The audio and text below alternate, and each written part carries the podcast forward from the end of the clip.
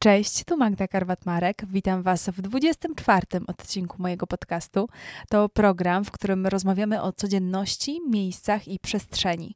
Zwykle odwiedzam moich gości w ich mieszkaniach i domach, w ich miejscach, ale to tylko pretekst do rozmowy o różnych sposobach na życie, możliwościach, trendach i pasjach. Dziś moim gościem będzie Tomasz Stawiszyński, filozof, eseista, autor książek, m.in. Co robić przed końcem świata, czy Reguły na czas chaosu, to ta ostatnia. I rozmawialiśmy o tym, jak uporać się z codziennością, która pewnie tu się wszyscy akurat zgodzimy, jest pełna sprzeczności, pełna lęków, kłopotów. E, rok temu w rozmowie w RMF24 zapytałam pana Tomasza, czy z tym światem zawsze było coś nie tak, czy dopiero teraz jest coś nie tak. I chciałam sprawdzić teraz po kilkunastu miesiącach, czy pan Tomasz zmienił zdanie. Może coś do tej odpowiedzi chciałby teraz dodać. I Prawdziwy obraz świata jest trochę inny niż byśmy chcieli, bo nie zawsze wszystko się w nim udaje, nie zawsze możemy, nie zawsze sobie radzimy i prawdopodobnie istnieje obecnie jakaś potrzeba, a może konieczność nawet, rozmowy o tej naszej bezradności, tak ją nazwijmy. I czy są jakieś sposoby, żeby z tą codziennością sobie lepiej radzić, tak po prostu? Czy będziemy umieli przyznać, że nie na wszystko mamy jednak wpływ, nie zawsze jesteśmy kowalami własnego losu, czy to przyniesie nam jakąś ulgę? Czy to jest konieczne? Jestem ciekawa, co o tym myślisz, a jeśli chcesz wesprzeć ten podcast, to zaobserwuj go teraz na platformie, na której właśnie go słuchasz. Udostępnij ten odcinek albo wyślij znajomemu, przyjacielowi, komuś, komu może się spodobać. Polub rolkę, wejdź na Instagram, daj znać po prostu, co myślisz, zostaw jakiś ślad po sobie. No a teraz już zapraszam do rozmowy z Tomaszem Stawiszyńskim.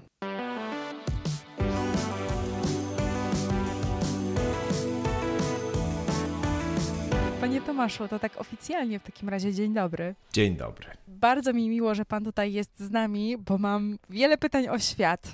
Ja myślę, że tylko filozof jest w stanie się uporać z tymi pytaniami. Ale proszę się nie, nie denerwować, to nie będą aż takie bardzo trudne pytania. Mam nadzieję. Zwłasz... Zwłaszcza, że już rok temu rozmawialiśmy mm ze mhm. sobą. E, to było w radiu RMF24 i wtedy zadałam panu takie pytanie, e, czy z tym światem jest coś nie tak dopiero teraz? E, czy zawsze było tak źle, czy to było po wybuchu wojny w Ukrainie, więc te pytania gdzieś tam same się nasuwały, jak to jest wszystko możliwe. I pan mi wtedy odpowiedział, że tak, z tym światem oczywiście jest coś nie tak.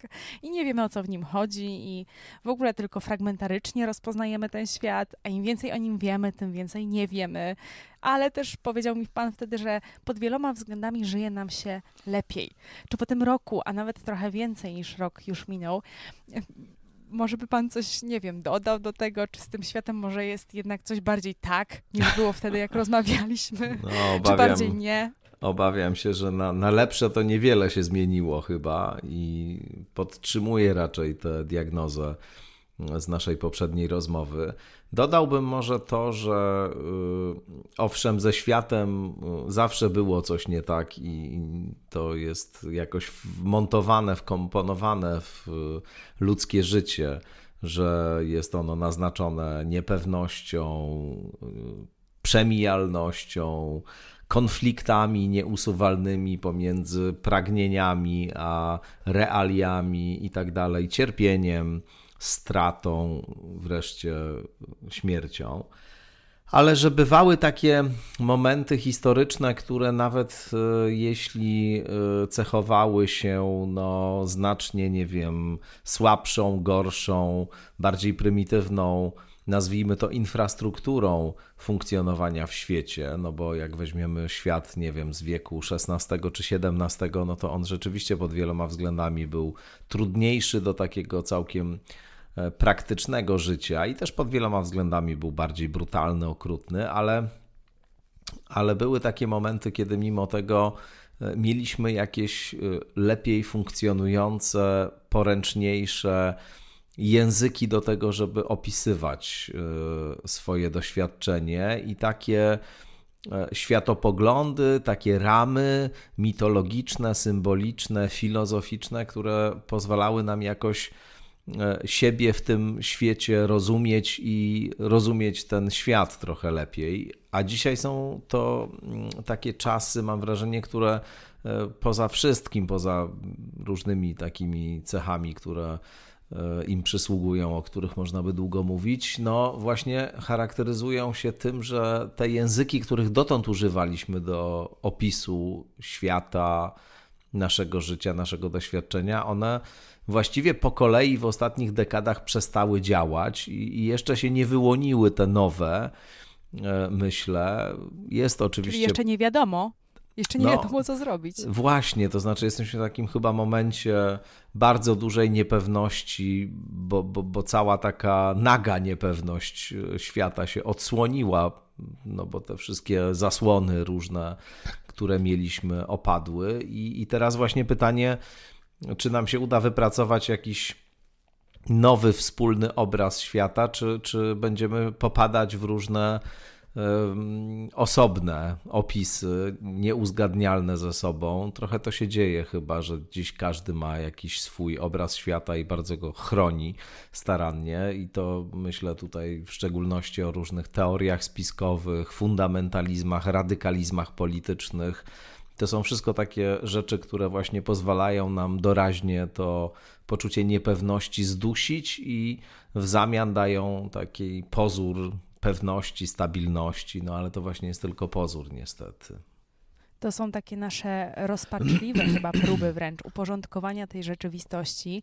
I pan mm, w swoich podcastach i tekstach, felietonach, czy też książkach, mm, pan jakby uświadamia nam chyba, że to jest bez sensu, że my się za to źle zabieramy, że nie da się tego chaosu uporządkować. Pan trochę przewrotnie nam o tym mówi w swoich publikacjach. No ja mam rzeczywiście takie wrażenie, że jednym z takich najbardziej yy poważnych i, i, i też potencjalnie destrukcyjnych y, problemów dzisiaj, y, czy też jedną z takich najbardziej powszechnych i destrukcyjnych zarazem tendencji jest tendencja do tego, żeby tę niepewność różnoraką, y, bezradność właśnie na różne sposoby bardzo szybko niwelować, żeby odwracać się od tego doświadczenia, od tej świadomości i jakoś ją e, koić, jakoś ją doraźnie, e, doraźnie z pomocą różnych takich e, bardzo niekiedy atrakcyjnych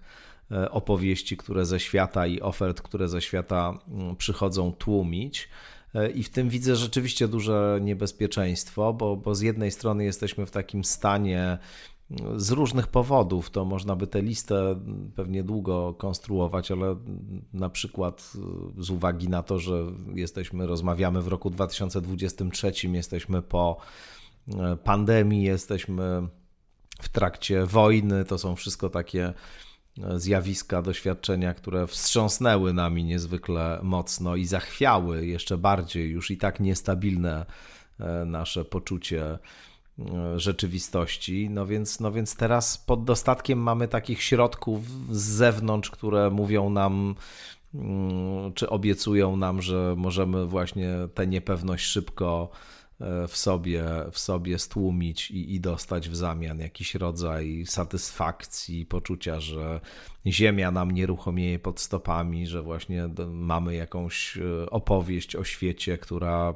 ten świat opisuje bardzo precyzyjnie, mówi, kto jest dobry, kto jest zły, kto jest e, z nami, kto jest przeciw nam, kto lub co jest źródłem wszystkich problemów. I jeśli się tylko to źródło wyeliminuje, no to z całą pewnością wszystko znowu już będzie teraz dobrze. będzie dobrze. Tak, mhm. tak, tak. Tak, teraz to już naprawdę. no właśnie, dokładnie, tak.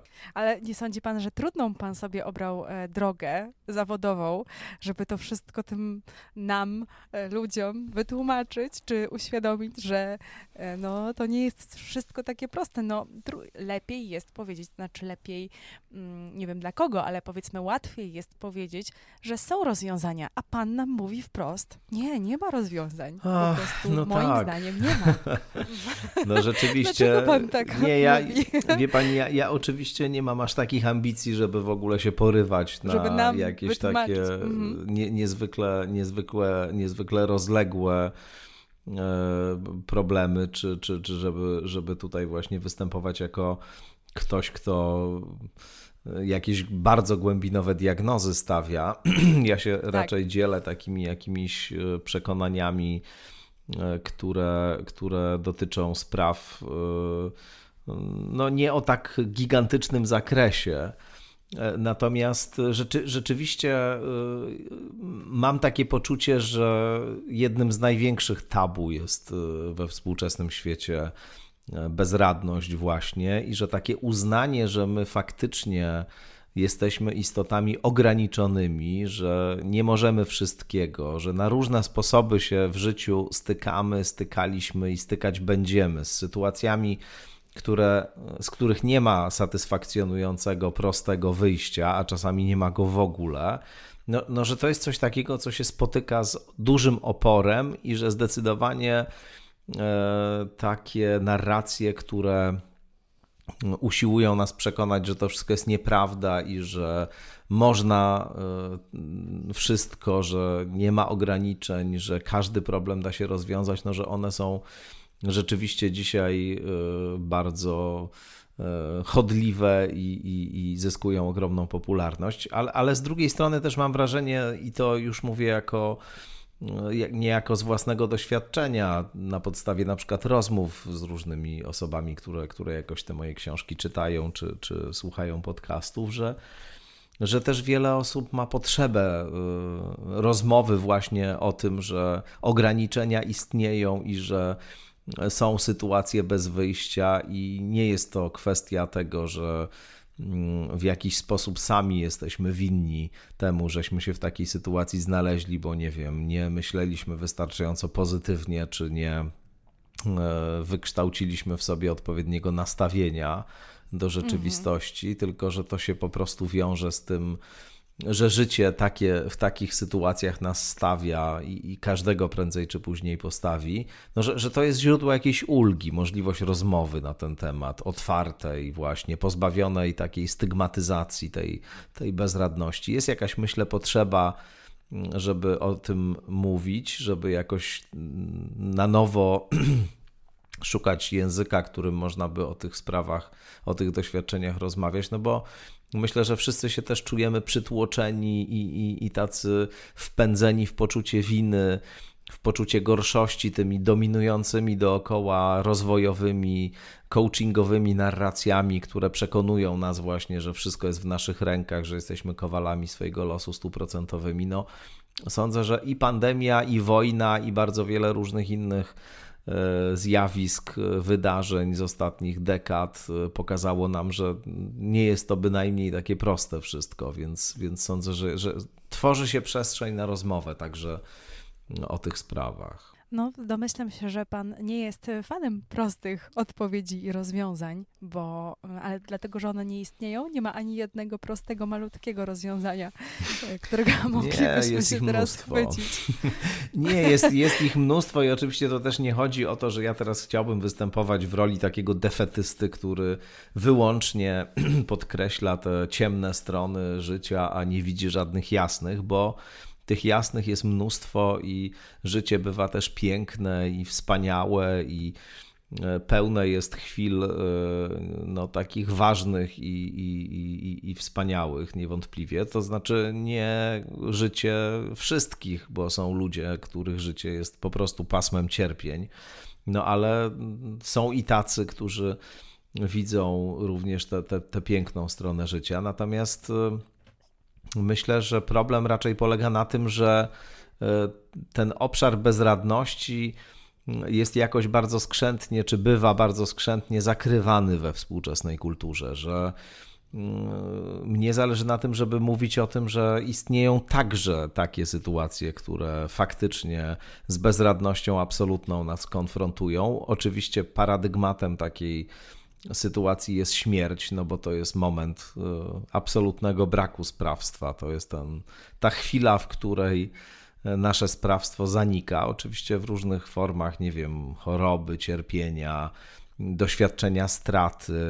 Y, również taki rodzaj absolutnej bezradności i braku sprawstwa się, się objawia, no ale śmierć jest jakąś jego taką skrajną formą, takim modelem właśnie i Chodzi mi tylko o to, żeby, żeby także i tego typu wymiar życia dostrzec, umieć go nazwać, e, uznać e, jego istnienie, No bo w ten sposób, jak moim zdaniem przynajmniej, stajemy się jakoś bardziej zdolni do tego, żeby e, później, kiedy już tak, takie sytuacje nas spotykają, no nie dokładać sobie jeszcze cierpienia, nie dokładać sobie poczucia winy, nie, dokładać sobie jakiejś e, właśnie no, dyskomfortu związanego z tym, że, że w ogóle nie dopuszczaliśmy możliwości, że coś takiego może nas czy naszych bliskich spotkać i w związku z tym zupełnie nie jesteśmy na to przygotowani. Myślę, że można śmiało powiedzieć, że pan y, zawodowo obserwuje świat, obserwuje ludzi, rozmawia z mm. nimi. I czy mm, wobec tego ma pan takie wrażenie, że w dzisiejszych czasach, tak zwanych dzisiejszych czasach, mm, nam się trudniej pogodzić z tym, że nie mamy na coś wpływu i że to budzi faktycznie jakiś taki wewnętrzny protest, przynajmniej w tej części świata, że jak to ja nie mam, jak to ja nie mogę tego zrobić albo nie mam na coś wpływu? Myślę, że tak, że dzisiejsze czasy pod tym akurat względem są dosyć specyficzne. Mm, z uwagi na taką dominującą e, narrację w kulturze, e, która jest jednak przeniknięta e, charakterystycznym dla późnego kapitalizmu myśleniem bardzo indywidualistycznym, w którym właściwie jednostka jest właśnie centrum wszechświata i jednostka ma takie przekonanie, że od niej tylko wszystko, co w jej życiu się dzieje, zależy. No i jest też z tego rozliczana na różne sposoby. Żyjemy jednak w warunkach takiej, e, gdy się temu blisko przyjrzeć, dość e, bezwzględnej konkurencji o różne dobra, o e, miejsce w hierarchii społecznej, o gratyfikację finansową, o prestiż, o szacunek i, i życie wypełnia na mnie jako właśnie tego typu, tego typu e, konieczność nieustannego budowania e, tego życiowego własnego projektu. E, oczywiście nie mówię o osobach, które dziedziczą potężne pieniądze, kapitał kulturowy i tak dalej. To jest jakaś grupa ludzi, którzy i między innymi też na tym polega problem, no właśnie dostają wszystko w pakiecie, cała reszta musi to sobie wypracować i w dzisiejszym świecie zresztą te nierówności, czy, czy ten czynnik różnicy pomiędzy tym, co mogą i mają jedni i tym, co mogą i mają drudzy, coraz bardziej rośnie. Ta przepaść pomiędzy tymi, którzy są bogaci i bogacą się jeszcze bardziej, a tymi, którzy nie byli bogaci i biednieją e, sukcesywnie, staje się coraz intensywniejsza, a jednocześnie, i, i to niewątpliwie jest problem systemowy, bo te sprawy mm, związane z tym, jak, na jakim poziomie e, z grubsza ludzie żyją, jak otwarte są ścieżki awansu społecznego, na ile y,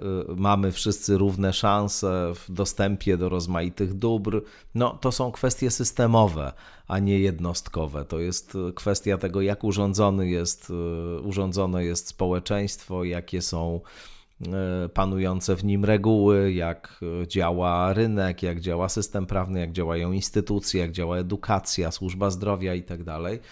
No, z tym jest coraz większy problem, nierówności są coraz większe, awans społeczny jest coraz trudniejszy, a zarazem cały czas jest ta sama opowieść o tym, że e, mamy wszyscy takie same szanse, dostajemy wędkę i możemy sobie złowić e, tą wędką e, co tylko chcemy, jeśli nam się to nie udaje, no to nie jest kwestia systemu, nie jest kwestia polityki, nie jest kwestia ekonomii, nie jest kwestia rynku, tylko jest to kwestia naszych osobistych jakichś cech, pragnień, chęci, niechęci i tak dalej. I, i, i myślę, że z zderzenia właśnie e, te, tej rzeczywistości społecznej, która nacechowana jest nierównością i nacechowana jest właśnie no, różnymi takimi e, mechanizmami, które, które sprawiają, że realna sprawczość jednostki jest w ogromnym stopniu ograniczona.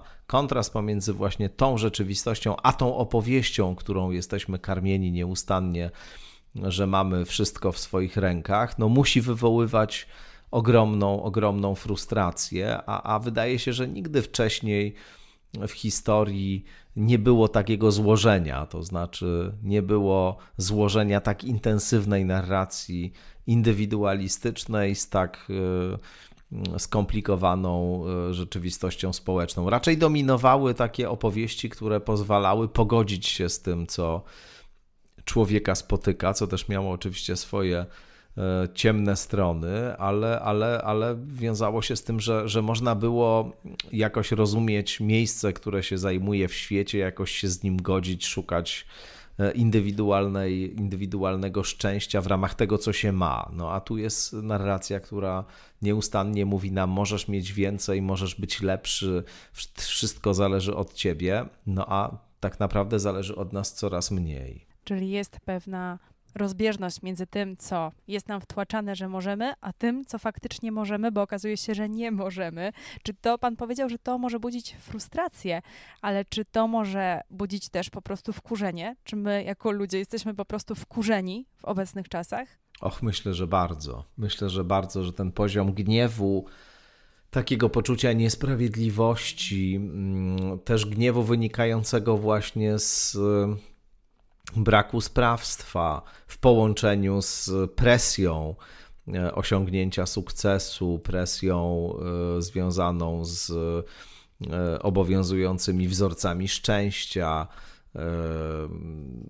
że, że, że to jest ogromne i, i, i to jest niewątpliwie potencjał do, do gniewu, lęku, a lęk najlepiej niweluje się właśnie poprzez takie odreagowanie i, i myślę, że my to widzimy w różnych zjawiskach z poziomu e, polityki globalnej i lokalnej i, i że ten gniew e, narastający, mm, myślę, że w dużym stopniu biorący się właśnie z tego poczucia dysonansu pomiędzy tym, co się mówi, czy tym, co jest mówione, tym, co mówią elity polityczno- kulturowe na przykład, a tym jak się sprawy faktycznie w doświadczeniu ludzi mają, no że ponieważ ten dysonans jest coraz większy, to i wynikający z niego gniew jest coraz, jest coraz większy.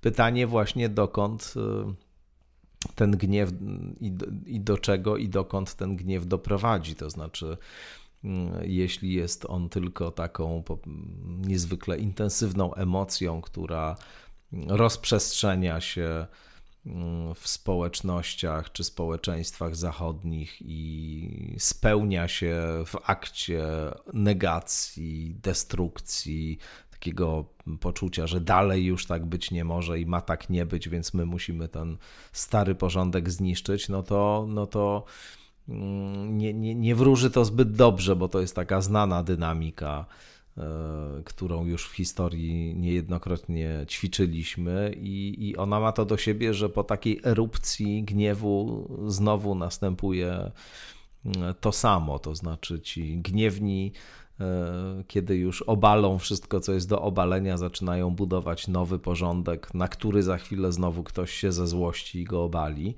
No ale jeżeli taki gniew staje się punktem wyjścia, na przykład do jakiejś głębszej refleksji nad tym, jak rzeczywistość powinna wyglądać, żeby żyło się w niej lepiej i bardziej sprawiedliwie, no to, no to wtedy gniew może być bardzo e, taką konstruktywną emocją. I jest taka książka o gniewie napisana przez amerykańską filozofkę Martę Nussbaum, bardzo ciekawą, gdzie ona właśnie przygląda się e, w ogóle historii tej emocji i szuka takich e, zastosowań, nazwijmy to, społecznych gniewów, których jego wymiar destrukcyjny e, staje się mniej, mniej e, groźny, a, a, a w którym właśnie te, te cechy gniewu, które czynią go potencjalnie impulsem do zmiany, e, są, są na pierwszym planie. Także tu w tej chwili to jest rzeczywiście, wydaje mi się, taki moment,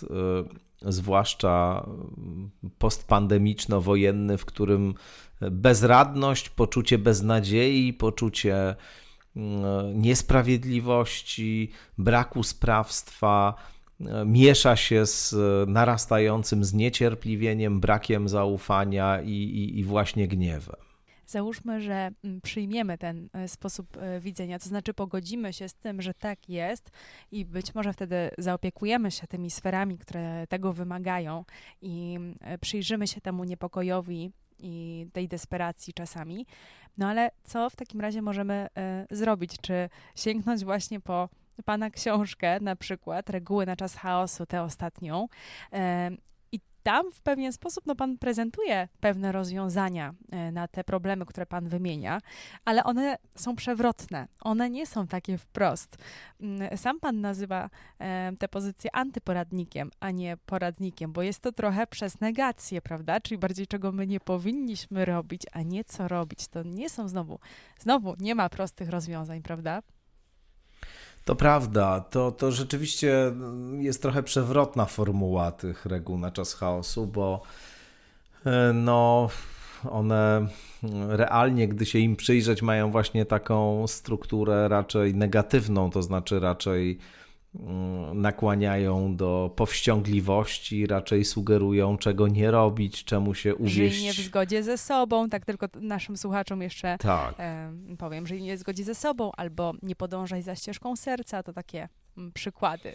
Tak, to te, które zresztą budzą na, największe emocje, pani wymieniła, bo te dwie reguły tak, rzeczywiście mają... Celowo. Tak, tak, one, one, one jakoś wielu osobom wydają kontrowersyjne bardzo.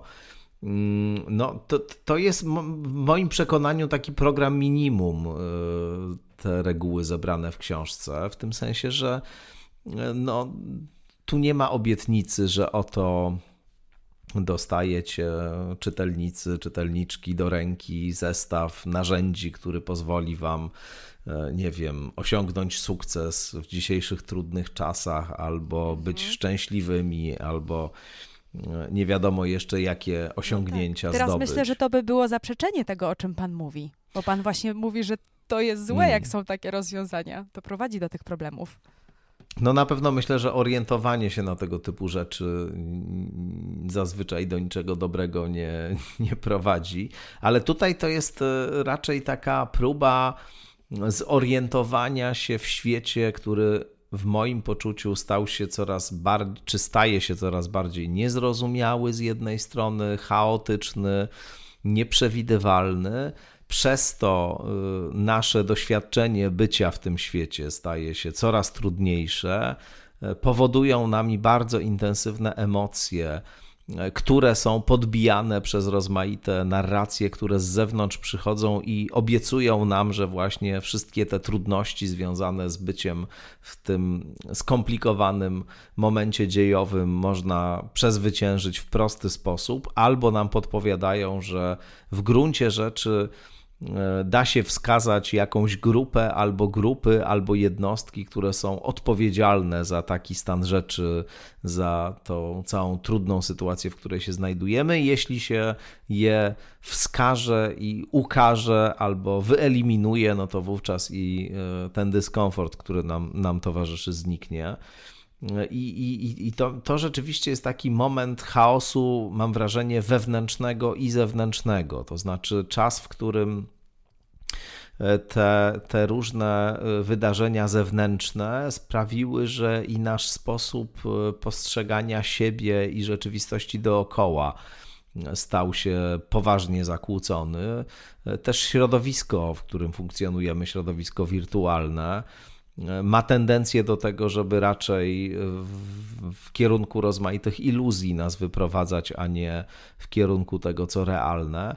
No i ta książka próbuje być taką zachętą, e, zarazem trochę instrukcją do tego, jak e, e, powściągnąć pewne odruchy, jak się nie dać różnym bardzo z pozoru atrakcyjnym E, e,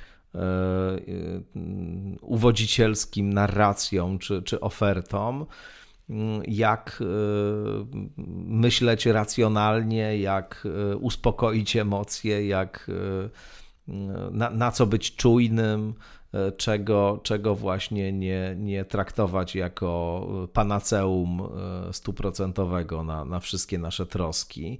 Więc, więc ja bym właściwie streścił e, główne przesłanie tej książki w takim, takiej zachęcie do tego, żeby, żeby e, z pewnym dystansem z, e, uruchomić refleksję wobec tego, co się dzieje. Z dystansem do siebie i do, i do świata dookoła, żeby powściągnąć emocje, żeby raczej zastanowić się nad pewnymi najbardziej nawet wydawałoby się oczywistymi własnymi przekonaniami i, rozpoznaniami. No więc to takie powiedziałbym jest bardzo bazowe mentalno-emocjonalne BHP. No, trzeba po to sięgnąć, żeby się zorientować, e, jak się uporać z tym, bo teraz nie możemy słuchaczy zostawić e, z taką wizją tego, że absolutnie nic się nie da zrobić. nie, tym, nie, nie, właśnie mi, mi, się wydaje, że, że tego typu, e, wie pani, ja mam w ogóle wrażenie, że te reguły, nazwijmy to, czy te właśnie punkty orientacyjne, jak niektórzy mówią, w tej książce zebrane, że to są takie naprawdę uniwersalne, dobrze przećwiczone, e, sprawdzone w niekiedy toku e, kilku, tysiąclet, kil, kilku tysiącletniej historii e, metody tego, w jaki sposób obchodzić się ze światem, z innymi ludźmi i ze sobą, w jaki sposób mm, wystrzegać się, czy w jaki sposób e, chronić się przed pewnymi e, tendencjami naszego umysłu czy naszej psychiki do wywodzenia nas w pole, do zaciemniania nam obrazu rzeczywistości, do e, właśnie takiego bardzo intensywnie emocjonalnego odreagowywania różnych trudnych sytuacji czy emocji.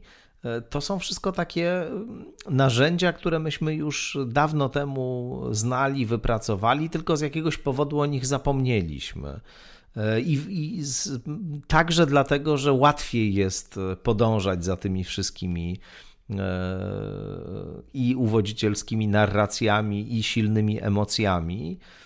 Łatwiej, bo one dają taką gwałtowną, szybką gratyfikację w sytuacji, w której doświadczamy niepokoju, niepewności itd. Tak Natomiast one, choć są łatwe i dają szybką gratyfikację, to jednak finalnie wiodą na manowce i sprawiają, że pakujemy się w kłopoty. A ja tu próbuję zbudować taki rodzaj postawy, e, która daje moim zdaniem większe prawdopodobieństwo, że w zetknięciu z bardzo skomplikowanymi problemami, w zetknięciu z trudnymi sytuacjami we własnym życiu e, i w skali społecznej, będziemy się zachowywali w sposób bardziej racjonalny, to znaczy bardziej zgodny z rzeczywistością, a nie z naszymi o rzeczywistości wyobrażeniami, fantazjami regulowanymi przez pragnienia, e, jakieś nasze doraźne potrzeby, interesy, infantylne emocje itd. Tak Więc jakby ja tu widzę jednak e, dość konkretny wymiar, taki pozytywno-praktyczny w tym takim dobrym sensie słowa praktyczność, znaczy słowa praktyczność. Czyli jak już się przebrnie przez to wszystko, co nie jest wygodne, to tam gdzieś na końcu jest no pozytywne mm, stwierdzenie, że da się Mm, poradzić sobie w tym świecie po prostu z odpowiednim nastawieniem. Na pewno są takie sposoby, które y, dają nam y, większe prawdopodobieństwo, że lepiej sobie z pewnymi sprawami poradzimy niż y, inne. To, to z całą pewnością tak można powiedzieć. A co z tym losem? Bo pan tam wprowadził taką kategorię, dawno już przeze mnie mm. niewidzianą. Nawet e, dwa razy czytałam to słowo, bo wydało mi się jakieś takie jak z bajki. E, a ono tam parę razy się pojawiło e, w tej książce. No ale co to znaczy ten los? Bo ja to rozumiem jako coś, na co my po prostu nie mamy wpływu. A to pan jest, tam e, używa tej kategorii. Mhm. Tak, to, to jest w ogóle super, że pani na to zwróciła uwagę, bo Mm, bo, bo to jest dosyć ważne pojęcie, które tam się faktycznie pojawia, ale, ale jest tak gdzieś y, wrzucone po prostu i, i, i to jest naprawdę bardzo mm, istotne rozpoznanie, że, że pełni ono tam ważną rolę, także, także cieszę się, że, że akurat pani na, mhm. na nie zwróciła uwagę.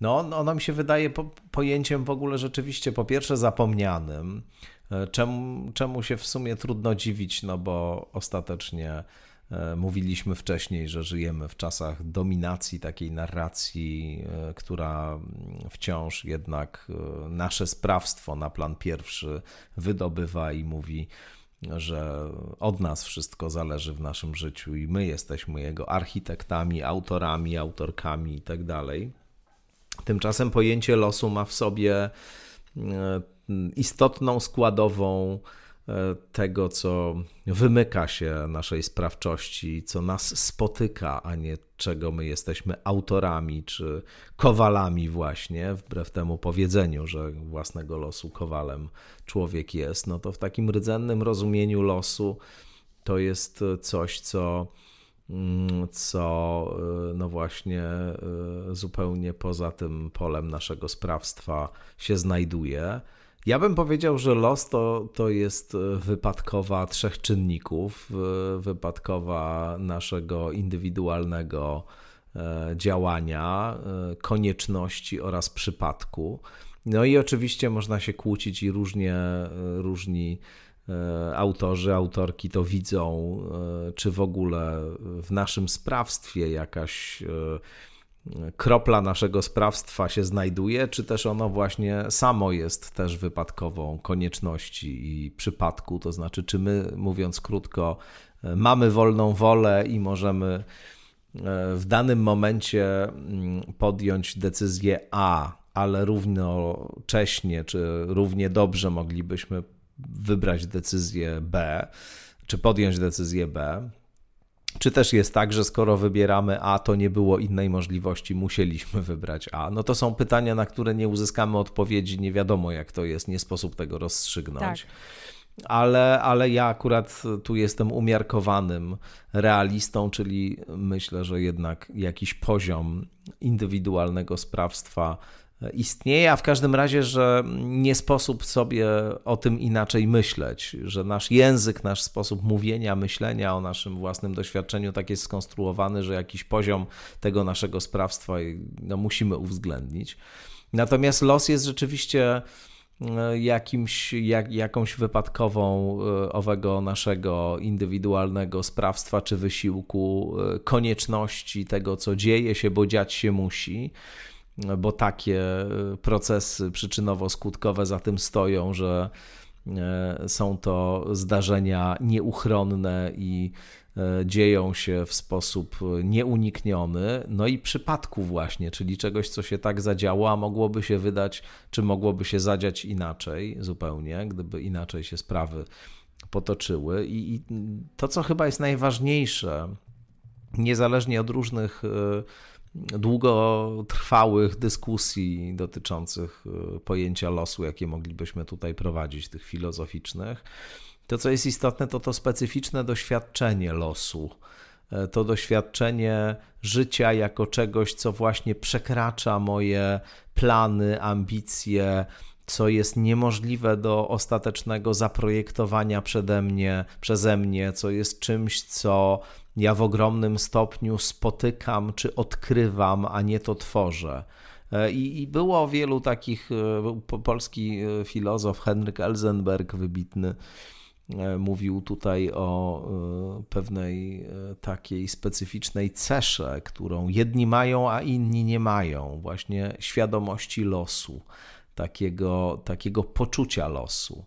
Mówił o tychizmie, tychikach, właśnie ludziach, którzy mają tego rodzaju e, smak, mają tego rodzaju świadomość, mają tego rodzaju poczucie, że, że życie, e, trajektoria ich losów, to kim są, to kim będą w przyszłości, to wszystko no, jest czymś, co absolutnie przekracza ich, ich uroszczenia, ich plany, ich ambicje i, i, i że w tym się coś odsłania takiego wręcz metafizycznego, zetknięcie się człowieka z tą potęgą sił, które tutaj grają w świecie i których on e, jest e, nie e, twórcą, nie aktorem, tylko, tylko często jakąś drobinką przez te siły poruszaną. Więc to jest takie bardzo głębokie i specyficzne doświadczenie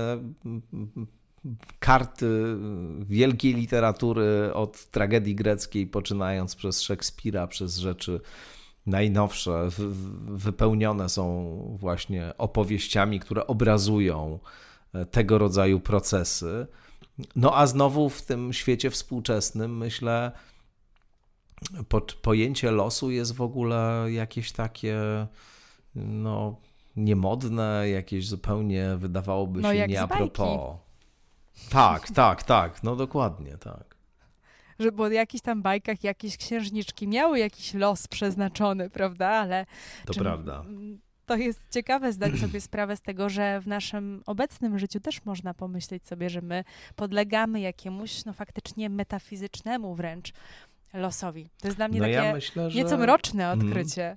No, e, wie pani, e, myślę, że, że bardzo wiele osób z nas, e, wielu z nas, wiele osób też, które nas słuchają, mają takie doświadczenia, że nagle jakieś wydarzenia, na które nie miały, nie mieli żadnego kompletnie wpływu, w sposób całkowicie taki totalnie, totalnie, całkowicie zmieniły kierunek ich życia że wydarzyły się jakieś sytuacje, które spowodowały, że znaleźli się finalnie w zupełnie innym miejscu niż byli przekonani, że się znajdą, że ich, jak to się mówi, życie gdzieś rzuciło na przykład poprzez sekwencję zupełnie przypadkowych zdarzeń, spotkań niekiedy jakichś właśnie przypadkowych e, zrządzeń losu no, w, takie, w, takie, w takie miejsca, które zupełnie inaczej które sobie zupełnie inaczej wyobrażali. Jest taki słynny film Krzysztofa Kieślowskiego Przypadek. On dobrze obrazuje mhm. to, o czym mówię. To, to film z Bogusławem Lindą w roli głównej i tam są takie trzy alternatywne życiorysy w zależności od tego, czy człowiek tam zdąża na pociąg, czy nie zdąża i, i, jeszcze gdzie tam do tego pociągu wsiada. I y, no to jest właśnie to dokładnie, o czym mówię. W tym filmie to poczucie losu jest niezwykle mocno obecne, mam wrażenie. Panie Tomaszu, bardzo dziękuję za tę rozmowę. Za ja to, bardzo dziękuję. Pan w swoich podcastach, w swoich książkach, w swoich też felietonach cotygodniowych, na przykład w Tygodniku Powszechnym, trochę to życie pomaga nam zrozumieć, przejść przez nie, uporać się e, z tymi no, przeciwnościami, które będą, bo Pan nie udaje, że ich nie będzie, prawda? Nie, nie, nie. Na pewno Wręcz będą. Jeszcze raz bardzo dziękuję i do usłyszenia, mam nadzieję. Bardzo dziękuję za zaproszenie do rozmowy i rozmowę.